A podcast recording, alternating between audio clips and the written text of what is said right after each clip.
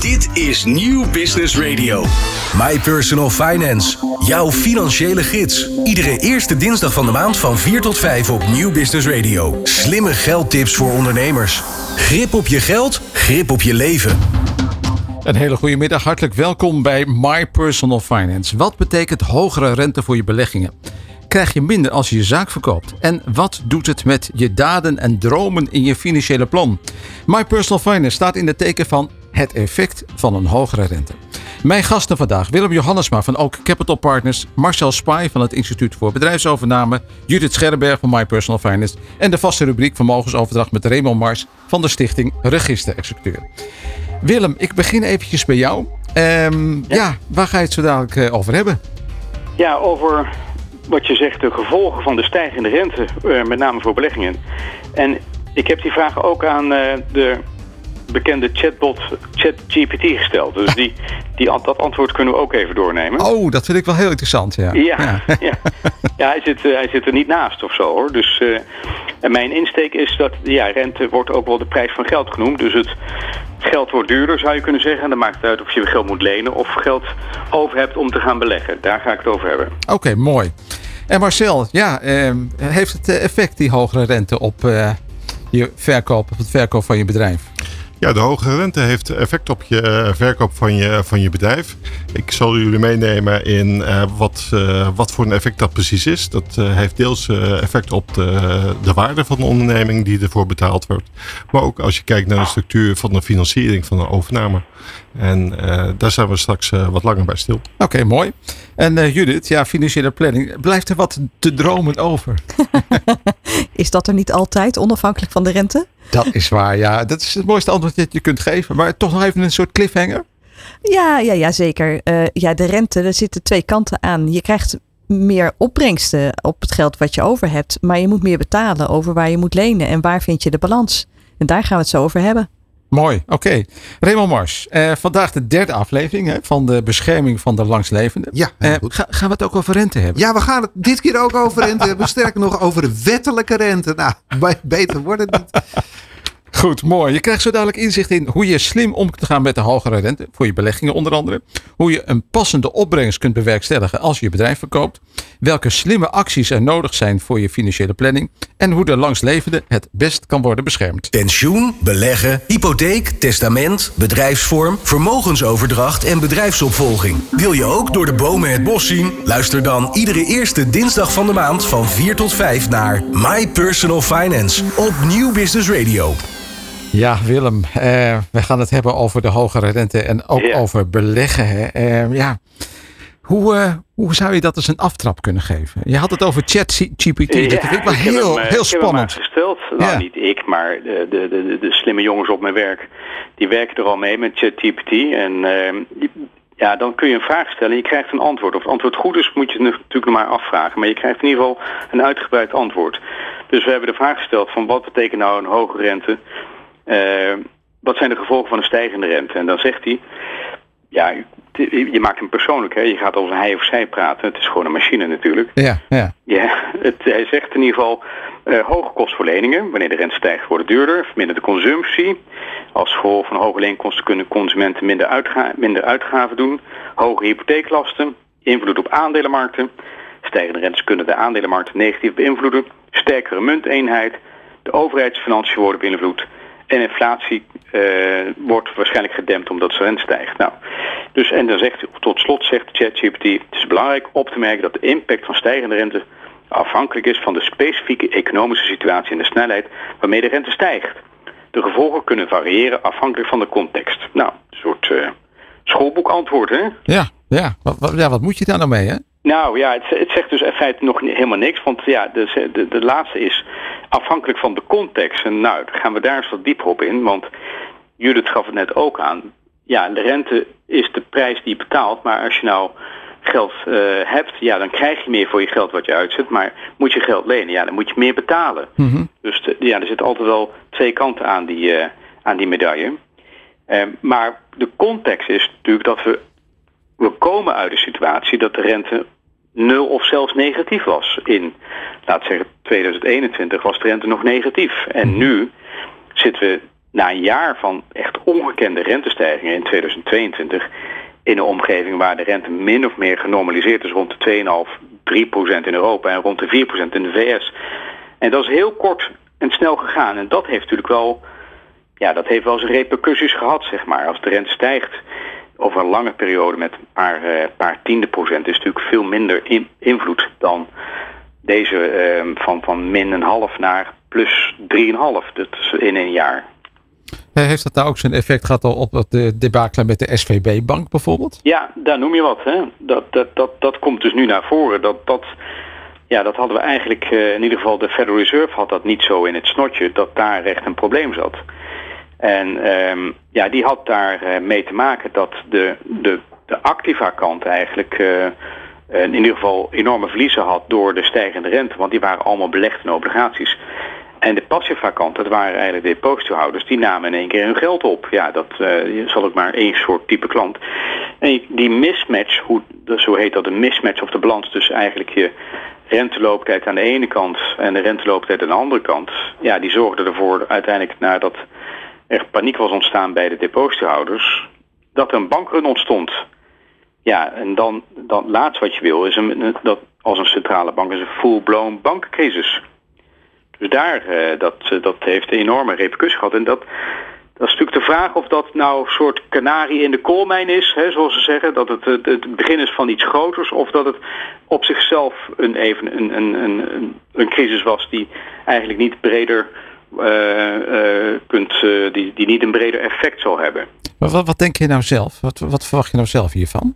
Nou, ik denk dat, uh, ja, het is moeilijk. Ik, het, het zal niet een, uh, waar mensen gelijk aan denken, is dat het een soort herhaling wordt van, van Lehman in 2008, Lehman Brothers in 2008. Dat, daar gaan we echt niet vanuit. Daar is de, de bankensector veel te, uh, laat zeggen, goed gecapitaliseerd voor. Maar, ja, dat er verliezen zijn ontstaan op die obligaties uh, en dat dus bij herfinanciering ook bedrijven die veel geld hebben geleend een veel hogere rente moeten gaan betalen ja, daarvan hebben we natuurlijk het effect nog niet uh, daar, allemaal gezien. Dus dat gaat wel op meer de komende maanden, denken wij, um, naar voren komen. En dan met name bij natuurlijk de sectoren die tot nu toe een hoge uh, geleveraged waren. Dus een hoge lening hadden op hun boeken. En dat kun je denken aan nou, bijvoorbeeld vastgoedfondsen of um, private equity, die natuurlijk ook vaak met fors geleend kapitaal zit. Als die moeten herfinancieren nu, ja, dan ga je in één keer van nou laat zeggen, in één keer, je kreeg bijna geld bij uh, een jaar, twee jaar geleden. En, en nu moet je in één keer drie, vier keer betalen, drie keer zoveel betalen. Het is een beetje als de, de energieprijs natuurlijk van 2022. Had je een vast contract, ja, dan zit je goed. Heb je een variabel contract, ja, dan betaal je in één keer drie keer zoveel. Dat doet toch pijn. Maar wat, wat betekent het nou voor jouw beleggingsbeleid? Want je bent vermogensbeheerder. Uh, ja. Dus jij moet hier nu uh, een keuze in maken van wat, wat schat ik in voor de toekomst? Ja, nou ja, belangrijk is dat je wel je, je, je blik moet houden op de wat verdere toekomst. Hè? Dus uh, we denken dat dit uiteindelijk uh, een, een, iets is wat de economie gaat afkoelen, wat uiteindelijk de rente ook uh, um, gaat doen. Hè? Daarom is het ook bedoeld. De inflatie zal ook wel wat terugkomen, dat zien we nu al. Mm -hmm. Ja, wat we hebben gedaan is duidelijk toch een, in de aandelensfeer doen wij niet zoveel. Dan zijn wij heel saai. Dan kiezen wij echt de index. En die index die past zichzelf ook aan. Hè? Want de bedrijven die, die nu goed presteren, die worden hoger in de index uh, neergezet. Omdat ze meer waard worden. En degenen die slechter presteren, ja, die krijg je dan ook wat minder van. Dus dat, dat effect komt daarin terug. We hoeven niet zoveel te doen. Obligaties zijn moeilijker. Want als je daar de index volgt, dan is dat... Ja, dat, dat, dat, dat, dat is niet helemaal passend bij het risicoprofiel van de klant. En daar hebben we toch uh, inflation-linked obligaties al een tijdje opgenomen. Wordt kortere looptijden opgenomen. Uh, en we komen daar ook nu met een, een zesde risicoprofiel dat alleen bestaat uit kortloopobligaties. Want ja, voorheen was het uh, helemaal niet interessant. Maar nu krijg je op dat profiel een startrendement van ongeveer 2,5 à 3 procent. Dat betekent dat je ook de, de langlopende obligaties zoveel mogelijk nu vermijdt? Ja, ja, dat doe je wel. Kijk, weet je, langlopende obligaties leveren nu, er zit een hele gekke yield curve zoals het heet. Hè. De yield curve is eigenlijk de, de rente over de looptijden van 0 tot 10 jaar. En normaal is dat is een looptijd, net zoals bij, bij hypotheken zie je dat ook. Als je rente vast langs hebt, betaal je meer dan als je je rente kort vastzet. Dat, dat is de yield curve in feite. -hmm. Dus die loopt op naarmate de looptijd verder volgt. gekke is nu dat de tienjaarsrente ongeveer onder de tweejaarsrente zit. Dus je wordt helemaal niet beloond voor het risico wat je loopt op 10 jaar om je geld uit te zetten. Dus je kunt dat maar beter wat kort zitten, want dan, je krijgt ook nog een hoge rente, maar je krijgt ook nog eerder je geld terug. Goed, dus, dus dat is logisch. Uh, ja. Maar ik, ik vind het ook wel integreren wat je vertelt, dat je een apart profiel hebt met kortlopende obligaties. Voor, voor, ja, voor ja, daar gaan we mee komen. Ja. Uh, laat zeggen, het beleggen is natuurlijk. Veel mensen associëren beleggen altijd met aandelen. Maar beleggen is ook beleggen in bijvoorbeeld obligaties. En obligaties zijn schuldbewijzen. En als die van de, een, een hele goede debiteur zijn, zoals de Nederlandse staat, dan heb je daar ook geen risico op. Sterker nog, je hebt eigenlijk minder risico, dat blijkt wel weer, dan je geld bij een bank te zetten. Omdat een bank natuurlijk een minder goede debiteur is dan de Nederlandse staat. En, en, dan heb je ja. profielen. Hè? Dus, uh, als vermogensbeheerder werk je met profielen. Je hebt, je hebt een ja. offensief profiel waar je zeg maar, laten we zeggen, alles in aandelen doet. En, en, en je hebt dus zo'n profiel als kortlopende obligaties. Maar je hebt ook ja. iets wat ertussen zit. Met aandelen en obligaties. Ja. Uh, zou je nou ook kunnen zien dat iemand zegt van weet je wat, ik geloof heel erg in dat kortlopende. Uh, dat kan ik een beetje sturen. Dus ik ja. kies dat profiel en ik kies ook gelijk het offensieve aandelenprofiel. Ja, dat is grappig dat je dat zegt. De, de, we zien het voor uh, uh, voor BV's die hun geld willen stallen zien we dat. We zien het voor uh, lijfrentes zien we dat uh, zien we markt voor. Maar zeker ook voor mensen die zeggen van nou, ik wil een deel van mijn geld wil ik gewoon wat tactisch aan de, aan de kant zetten. Uh, en dan wel tegen een bepaald rendement, meer dan een spaarrekening. En dan kan je dan dat profiel voor kiezen. Ja, ja en ja. je zou het zelf, wat jij nu zegt met de BV's, je zou zelfs in de BV bijvoorbeeld het kortlopende obligatieprofiel kunnen nemen en privé de aandelen of zo. Bijvoorbeeld, ja. Zo kun je, ja, en dat is nou uh, precies de reden waarom wij met financieel planners samenwerken. Die dat soort oplossingen kunnen bedenken, Roelof. Ik, ik dacht dat je het nooit zou zeggen, maar... Geweldig, Willem. Kijk, dus... jullie, zijn de, jullie zijn de slimme mensen. Wij voeren het alleen maar uit. Ah, daar doe je jezelf tekort.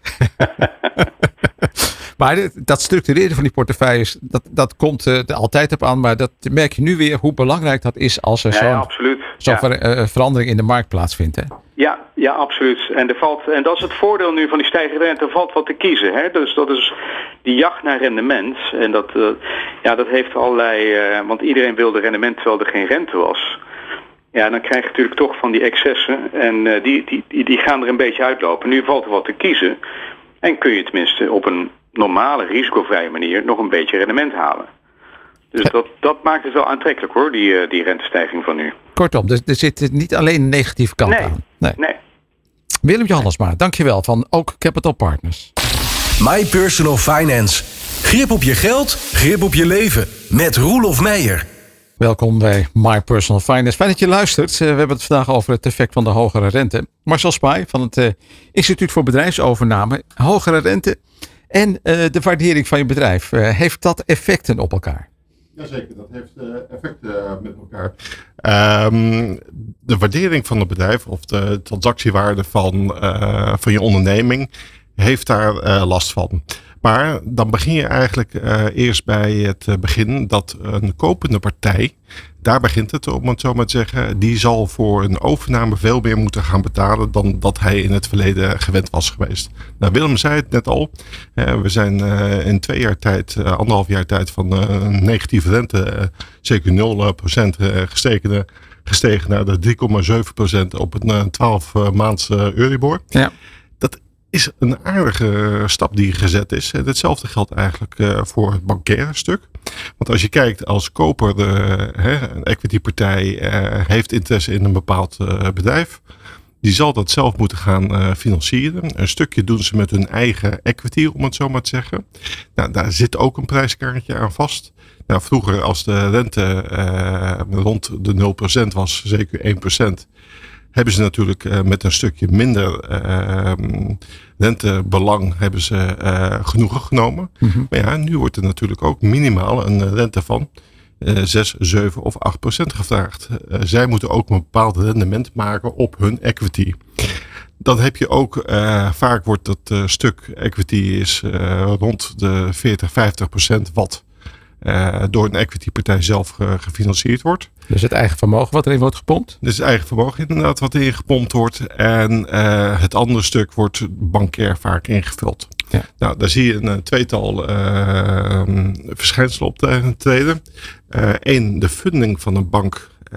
daar zit je minimaal op zo'n 3 tot 4 procent qua funding. Afhankelijk van het risicoprofiel, zoals dat zo mooi heet, van het bedrijf komt er een bepaald percentage bij. Dat kan zo'n 3 of 4 procent zijn. Mhm. En afhankelijk van uh, de financieringsstructuur, of een groot stuk blanco is, kan dat ook een stuk hoger zijn. Dus als je er kijkt naar wat men uh, bankair dan betaalt aan het rentepercentage, kan dat zo'n uh, 8, 9 tot 10 uh, procent zijn. Terwijl je anderhalf jaar geleden toch een stukje lager zat. Nou, die combinatie, dus het equity stuk, dus het eigen vermogen wat je zelf uh, net terecht aangeeft, in combinatie met het bankaire, maakt een overname een stuk duurder. Daardoor is men uh, wat terughoudender als je kijkt naar het betalen van multiples. De afwegingen die dan gemaakt worden voor uh, een overname is van het bedrijf wat ik wil aankopen, hoe groeit het zelf? Hebben ze, zoals dat zo mooi heet, een double digit growth scenario. Dat betekent dat uh, qua omzet uh, minimaal 10 tot 15 of 20 procent groei is. Mm -hmm. um, en hebben ze datzelfde ook met hun EBITDA. Pas dan uh, wordt dat voor hun interessant om te gaan kijken of dat gaat matchen. Want het kostenaspect is een stuk hoger geworden. Dus dan moet de club die overgenomen wordt ook dermate goed renderen dat het inderdaad interessant wordt om hun uh, zeg maar investering terug te gaan uh, uh, verdienen. Je had het over multiples, dus, dus zoveel keer de winst, zeg maar. Hè? Je hebt het EBITDA, dat is iets specifieker, maar even, even in en Janneke taal, zoveel keer de winst. Hoe, hoe gaan die multiples? Wat zie je? Uh, multiples uh, die zijn afhankelijk van uh, de branche waarin geopereerd wordt. Um, een multiple geeft aan het aantal keren dat je een EBITDA uh, wil betalen. Wat is EBITDA? Dat is earning before taxes en amortization. En interest en zo. Ja, dus, dus, dus, dus voor afschrijving, voor rentebetalingen en dat, dat soort Ja. zaken. Hè? Dus, En dat neem je als zeg maar uitgangspunt. En dat ga je dan uh, afhankelijk van de branche. Als je kijkt naar bijvoorbeeld de productie. Dan zit je op vier of vijf keer. ja. Maar wat ik dan altijd zeg, je moet gewoon vijf jaar wachten tot je investering terug hebt. Eigenlijk. Uh, heel kort door de bocht gezegd. uh, Als de winst hetzelfde zou blijven. Als de winst hetzelfde zou blijven. Ja. Correct. Ja. Ehm, hetzelfde uh, heb je natuurlijk de multiples in de ICT-sector. Die liggen een stuk hoger. Uh, maar daar zie je dus ook nu een afvlakking. Uh, vaak zag je dat uh, rond de 9 of 10 keer hier in Nederland. Anglo-Saxische partijen zaten vaak op de 12. Maar je ziet dat nu langzaam naar beneden terugzakken. Dus de, de waarde van je onderneming wordt een stuk lager dan dat je zelf had verwacht. Ja, en als het van 7 naar 6 keer zakt, dat is, dat is al eh, 15% minder. Hè? Ja, dat is. Je, Dat is verkoopt, je ja. verkoopt het maar één keer. Ja. Dus uh, ja, je ziet daar uh, de, de stijging van de rente terugkomen. Naast het feit dat uh, op het moment dat men een bepaalde propositie in het vizier heeft, het ook vaak nog langer duurt uh, om uh, een overname te doen. Wat je veel ziet is een controlled auction. En wat houdt een controlled auction in? Um, een bedrijf wordt zeg maar verkocht en daar worden vier, vijf uh, partijen uitgenodigd. Een soort Die- veiling. Hè? Een soort veiling, Ja. ja. En die mogen dan zeg maar op dat bedrijf bieden, om het zo maar te zeggen. En daar zie je dus het aantal mensen, eh, of het aantal equity partijen zie je afnemen. En, uh, Dus waar- gewoon minder belangstelling, minder mensen die aan die veiling mee willen doen. en de competitie is een stuk lager. Ja, ja. En dat vertaalt zich dan ook in een lagere uh, verkoopprijs. En uh, de trajecten zijn langer. Uh, vaak zag je dat een, um, een bedrijf binnen vijf tot zes maanden verkocht wordt. Ja, en nu zit je negen, twaalf, anderhalf jaar. En dat duurt allemaal wat langer. En de prijzen van, uh, die betaald worden voor de overname, die zijn een stuk lager. Dus het is een uh, indirect gevolg van de rentestijging uh, waar we het net over hadden. ja. Wat, wat kun je nou tegen doen? Moet je gaan zitten wachten met je verkoop? Uh, ja, wachten is natuurlijk altijd heel lastig. Het is afhankelijk van hè, waar je zelf in je eigen persoonlijke omstandigheden in zit. Zit je op de 60 of 70, uh, ja, dan, dan wordt het moeilijk. Mm -hmm. je moet natuurlijk altijd tijdig beginnen met uh, de verkoop van je onderneming. Maar je kan natuurlijk uh, ervoor kiezen om eh, de verkoop van je onderneming in fases te doen. Een pre-exit is bijvoorbeeld een voorbeeld. Pre-exit? Dat is nu dat je nu 50% verkoopt. En de volgende 50% kun je na twee jaar of na drie jaar of vier jaar doen. Moet je nog wel de, de zeggenschap houden natuurlijk, anders wordt het tricky. Uh, ja, dat is, een, uh, dat is een gevoelig punt, laat het zo zeggen. Maar ja. daar kan je afspraken over maken. Maar uh, dat is een terecht punt. Je kan nu ook over overnames om over twee of drie jaar kan je ook afspraken maken. Ja. Maar het is een terecht punt wat je, wat je aangeeft. dat zou je kunnen doen om inderdaad de verkoop gespreid te doen. in plaats van afwachten. Ja, en, en nog een ander alternatief dan voor afwachten zou kunnen zijn dat je berekent hoeveel je nodig hebt. En dat je dus misschien met die mindere opbrengst ook lekker kunt leven. Ja, maar dat is altijd een fantastische mooie discussie. uh, maar die zal je ongetwijfeld uh, ook met je financiële planning uh, herkennen. Ja. Um, want gaandeweg zo'n verkoopproces kan het ook in één keer gebeuren dat mensen in één keer iets meer vragen en denken dat hun bedrijf een stukje meer waard is. Dus ja. dat is een. het is ook psychologie, hè? Ja, ja, een mooi spanningsveld waar je in zit. Ja, goed. Marcel Spaar van het Instituut voor Bedrijfsovername, dankjewel. My Personal Finance. Grip op je geld, grip op je leven. Met Roelof Meijer. We gaan het hebben over financiële planning, de downside en de upside van de hogere rente. Judith Scherberg, mijn Ja. collega bij My Personal Finance. Ja, eh, zullen we met de downside beginnen? Ja, dat is goed hoor. Ja? Vind je het goed? Ja. Wat is de downside van de hogere rente, Judith? Nou ja, het is eigenlijk wat, eh, wat al eerder gezegd is in deze uitzending. Leningen eh, zijn duurder. Hypotheken? Hypotheken inderdaad. Dus als je naar je privéfinanciering kijkt en je, moet iets lenen voor aankoop van een woning, een mooie woning, een mooi appartement, noem het maar op. Het is allemaal duurder geworden. En dat eh, loopt best hard op. En dan kun je dus ook minder lenen. Want ja, je krijgt ook minder op basis van je inkomen. En die quote is natuurlijk anders. Eh, en, en we hadden het net even over eh, lange en korte rente. En lange looptijden, korte looptijden. Ja, wat is dan het slimme bij hypotheken? Ja, dat is een goede vraag. Je ziet ook in de hypotheekrentes dat daar natuurlijk verschillen in zijn. Mensen vinden het heerlijk om het lang vast te zetten. En als je een hypotheek aanvraagt en je zet hem korter dan 10 jaar vast, dan wordt de normering ook anders, krijg je weer minder geld. Dus dat zijn hele ingewikkelde discussies waar je in komt. Ja, terwijl je qua rente misschien wel juist heel, kort of niet vast zou willen zetten. Ja, dat klopt. Want je zou het liefst, eh, denk ik, die twee jaar willen pakken. Ja. Of misschien drie jaar. Maar en dan weer verder kijken. Maar als je dan maar de helft van de hypotheek kan krijgen, die je kan krijgen als je een tien jaar rente kiest, ja, dan is het toch wel een dilemma. Ja, dan heb je een klein probleempje met jezelf. Ja, Ja. ja, ja, ja.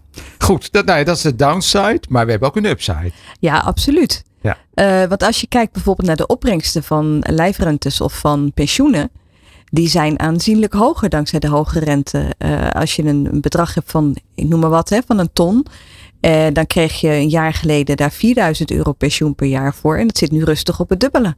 Kijk, dat is een verschil, hè? Dat is een enorm verschil. Dus dat betekent ook dat je dan weer meer kan lenen, hè? want je hebt meer inkomen. Dus het heeft allemaal met elkaar te maken. Dat, Het ja, heeft ja. allemaal met elkaar te maken. Ja. En waar, ja, wat voor jou dan de beste keuze is, ja, dat hangt natuurlijk af van je eigen prioriteiten en hoeveel je wil lenen en hoeveel geld je hebt.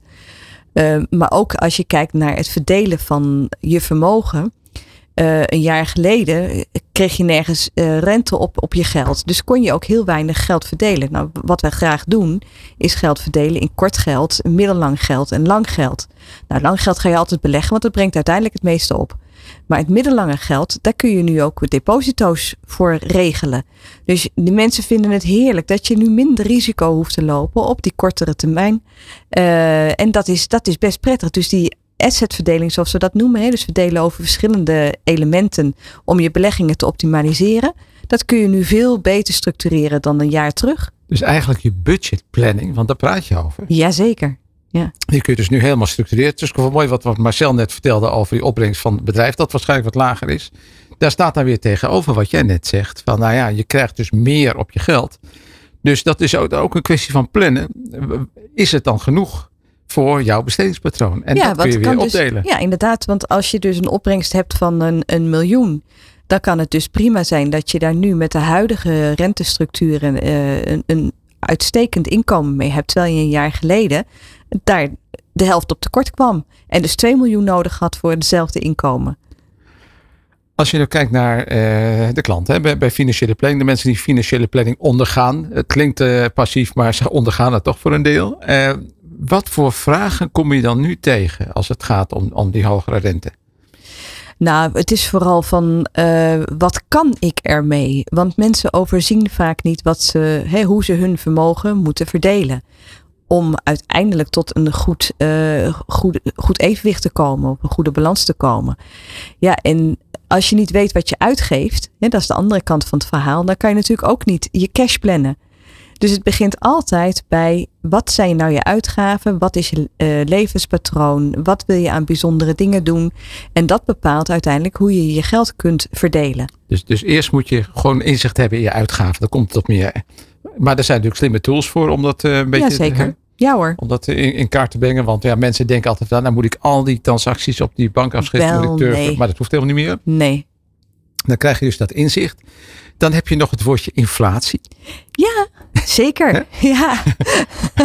dat was natuurlijk vorig jaar was dat, nou ja, gigantisch. Het, het, is allemaal weer wat genormaliseerd, maar we hebben hem wel. Ja, klopt. En dat hakte natuurlijk best in. Um, maar het nare van inflatie is dat je.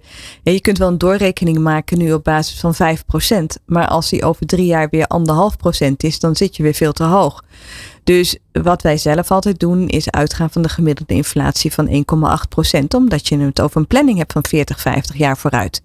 En ja, als je op basis daarvan uitmiddelt, zal dat best wel ongeveer kloppen. Calamiteiten daar gelaten. Want als we opeens weer een oorlog krijgen, dan kan er wel sprake zijn van 2000% inflatie. Ja, daar kan ik niet op plannen. Nee, nee maar goed, dat, dat zijn exceptionele situaties. Ja. maar in, in het normale leven, nou ja, dat, dat zijn dus inderdaad die, eh, laten we zeggen, afgerond 2% inflatie op, op je uitgaven. Dan heb je, je, je, aan de andere kant waar je het geld mee verdient. Nou, je zegt hogere rente. En je zei iets moois voor de langere termijn beleggen. En, en beleggen, uh, ja, ik noem obligaties ook beleggen en deposito's ja, ook beleggen. Ja.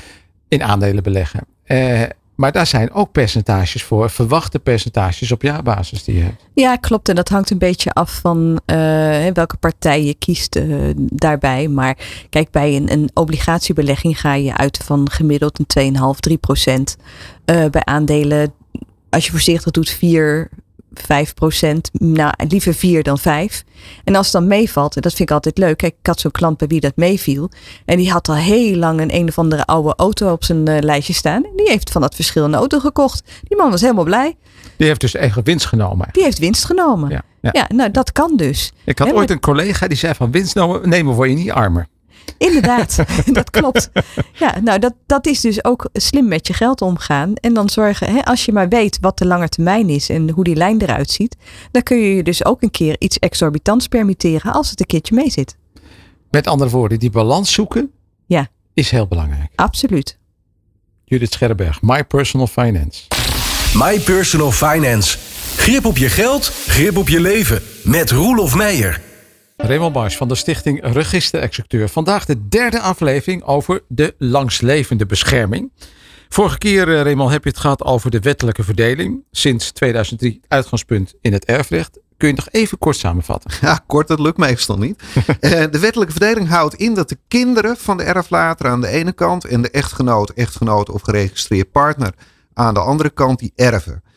Echter, het houdt in dat alle goederen overgaan op die langslevende. Die raakt ermee overbedeeld. En die trekt dat recht door een som geld schuldig te erkennen aan die kinderen. En die som geld is in beginsel pas opeisbaar na het overlijden van die langslevende. Nou, nog korter, je verdeelt eigenlijk de nalatenschap in goederen voor de echtgenoot, echtgenoot of geregistreerd partner en een vordering in geld voor de kinderen. Je benadrukt telkens dat kinderen een vordering in geld hebben. Waarom leg je nou daar de nadruk op? Nou, daar ligt de nadruk op omdat ze geen aanspraak kunnen maken op goederen zoals een huis, een auto, een schilderij, sieraden, etc.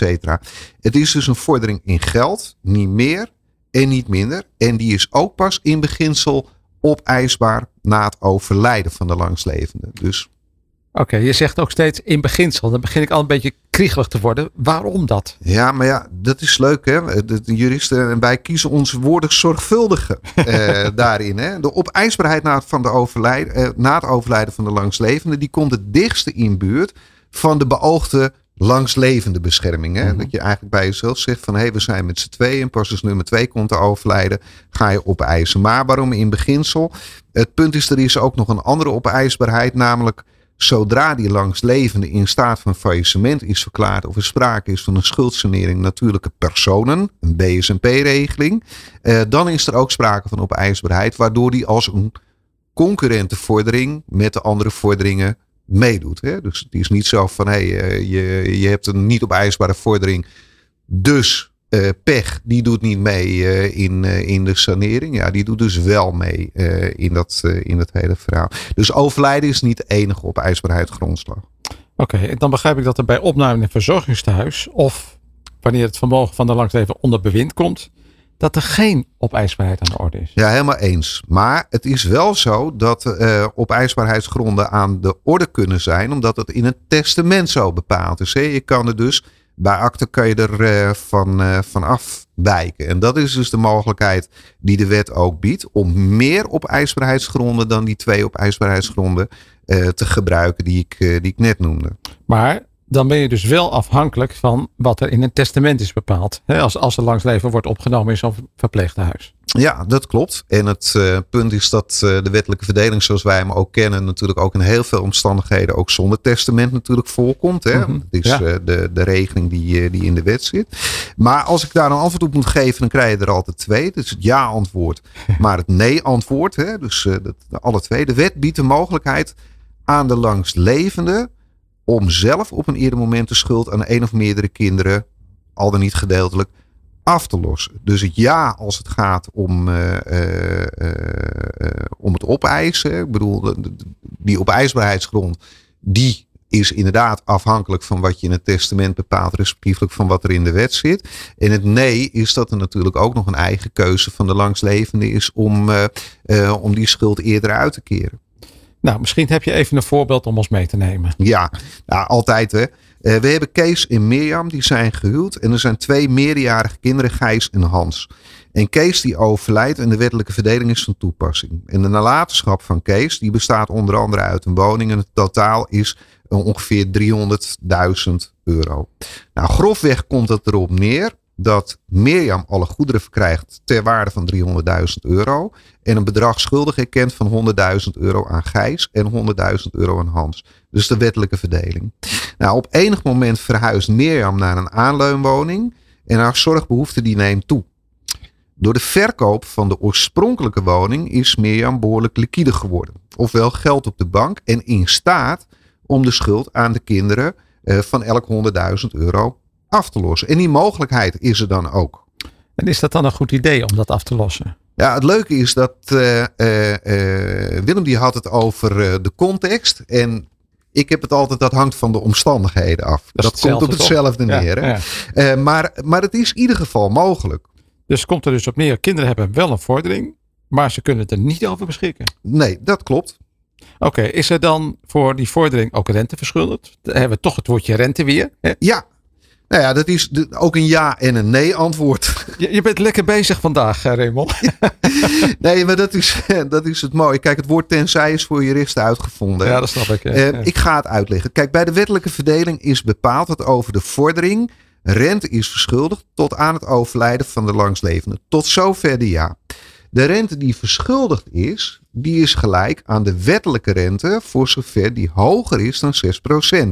En dat is dan weer de nee. Want wat wel grappig is om te vertellen, dat is dat namelijk uh, de wettelijke rente die we kennen vanaf 1934 tot 1971, die was 5 procent. Dus daarna is hetzelfde. Ja. Oké. En daarna is die wel even hoger geweest, hè, met name de jaren 80 en, en even begin jaren 90, is die wel opgelopen tot, uh, uh, tot 12 procent. Maar we hadden maar één wettelijke rente. Mm-hmm. Sinds 2002 hebben we twee wettelijke rentes. Namelijk eentje voor niet-handelstransacties en eentje voor handelstransacties. Het aardige is dat in 2002 was de wettelijke rente voor niet-handelstransacties tot augustus van dat jaar, of tot augustus 2003, was die 7% En het mooie is dat wij in 2003 per 1 januari hebben het nieuw wettelijk erfrecht ingevoerd. Dus er is eigenlijk maar zeven maanden geweest dat hij dus boven die 6% is. En daarna is hij tot op de dag van vandaag is die, uh, uh, onder die 6% geweest. Nou, we hebben natuurlijk ook, ook een lage renteomgeving gehad. Hè? Eh, eens, maar dat, dat betekent overigens wel hè, dat als je op wettelijke rente googelt, moet je altijd wel kijken naar de wettelijke rente voor niet-handelstransacties. Hè. Voor handelstransacties is die feitelijk hoger. Ja.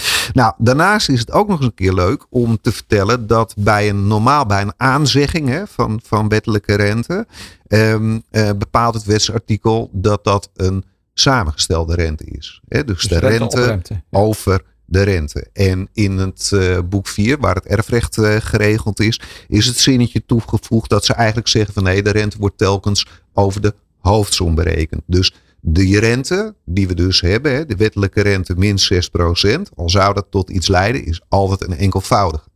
Mag je afwijking van de bepaling in de wet ten aanzien van de rente? Nou, dat is een hele goeie, want wat je hier ook mee aangeeft, dat is natuurlijk dat er heel veel in het erfrecht van regelend recht is. Hè? Dus dat betekent buiten de regel dat je er natuurlijk vanaf mag wijken.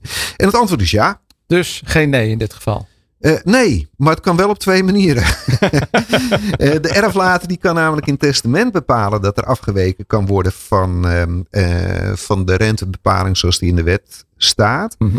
Maar als er geen testament is, of het testament hierover niet iets bepaald heeft, dan kunnen de echtgenoot, de echtgenoot en geregistreerd partner en de kinderen, dat zijn eigenlijk die twee Mhm. partijen die, die je daarmee hebt, die kunnen ook dus na het overlijden een overeenkomst sluiten. Een renteovereenkomst. Nou, dat laatste, dat noemen we een renteovereenkomst. En waar je even rekening mee moet houden, dat is dat het wel moet gebeuren binnen de aangiftetermijn van acht maanden na het overlijden. Hè, om dit fiscaal ook eh, te laten werken. Die moet wel bij notariële akte eh, worden, ehm, eh, worden opgesteld. Dat is wel een vormeis. En wat is dan doorgaans het advies? Ja, dat, dat hangt dus echt van de omstandigheden af. En daar ga ik de volgende keer wat dieper op in. Want dat was voor één uitzending eh, eh, een beetje too much. Maar het is van belang je goed te realiseren. En dat is eigenlijk alvast de cliffhanger. Dat een renteafspraak die langslevende op termijn natuurlijk wel armer maakt. Hoezo dan? Nou, stel je koopt een auto op afbetaling van 30.000 euro af te lossen over 60 termijnen met 0%. Dan ben je na die 60 termijnen 30.000 euro armer. Dat klopt hè? Ja. Eh, koop je dezelfde auto van 30.000 euro met 5% rente over die 60 termijnen. Ja, dan ben je dus meer kwijt en ben je dus armer geworden. Oké, dus, dus een rentebepaling en een renteovereenkomst zijn altijd een afweging. Helemaal goed. Raymond, dankjewel. My Personal Finance. Grip op je geld, grip op je leven. Met Roelof Meijer. Het gaat snel, we zijn er bijna doorheen. Eh, ik heb nog wat uitsmijters nodig. Willem Johannesma, heb jij voor ons een uitsmijter bedacht? Eh, ja, dat denk ik wel. Ehm, dat wordt het volgende. De rentestijging van de afgelopen periode... Ja, die doet net als die stijgende energieprijs natuurlijk portemonnee, pijn in de portemonnee van bedrijven en particulieren die geld lenen. Maar, maar voor beleggers zijn door de hoge rente de startrendementen ook hoger. En word je nu meer beloond voor het risico dan afgelopen jaar. Dat is een heel belangrijk voordeel. Nou, hartstikke mooi. Dankjewel Willem. Eh Marcel Spij? Ja, hoe heet het? Eh, als je je bedrijf wil verkopen, laat je niet ontmoedigen door de rentestijging. Eh, denk goed na wat je voor je bedrijf wil hebben. En eh, dit ter voorkoming van eh, teleurstellingen en eh, positief de toekomst in kijken. Oké, dankjewel. Judith? Zoek de balans tussen de inkomsten en uitgaven. En als je het niet alleen kan, schakel professionele hulp in. En eh Raymond Mars? Ja, nou voor mij krijg je er ook weer twee. Krijg je er weer twee? het zal Ja. ook niet. Hey, stel die overbedelingsvordering, stel die vast of laat die doen na het overlijden van de eerststervende. Dat is één. En ook al is er geen testament, dan kan een eh, renteovereenkomst eh, uiteindelijk leiden tot een fiscale besparing na het overlijden van de laatstlevende. Raymond Mars, dankjewel. Ik dank mijn gasten Willem Johannesma van Oak Capital Partners, Marcel Spy van het Instituut voor Bedrijfsovername, Judith Scherberg, My Personal Finance en Raymond Mars van de Stichting Register Executeur. Mijn tip voor jou als ondernemer, als de rente hoger wordt kun je afvragen of het altijd slim is om geld te lenen. Misschien kun je nog anders geld aantrekken. En als je gaat beleggen, er komen nu weer andere instrumenten in beeld. Blijf alert en pas je termijn aan. My Personal Finance, grip op je geld, grip op je leven. Wil je ook de kapitein op je schip zijn? Werk samen met My Personal Finance aan je persoonlijke financiële kompas. Voor nu en later. Iedere eerste dinsdag van de maand van 4 tot 5 op Nieuw Business Radio.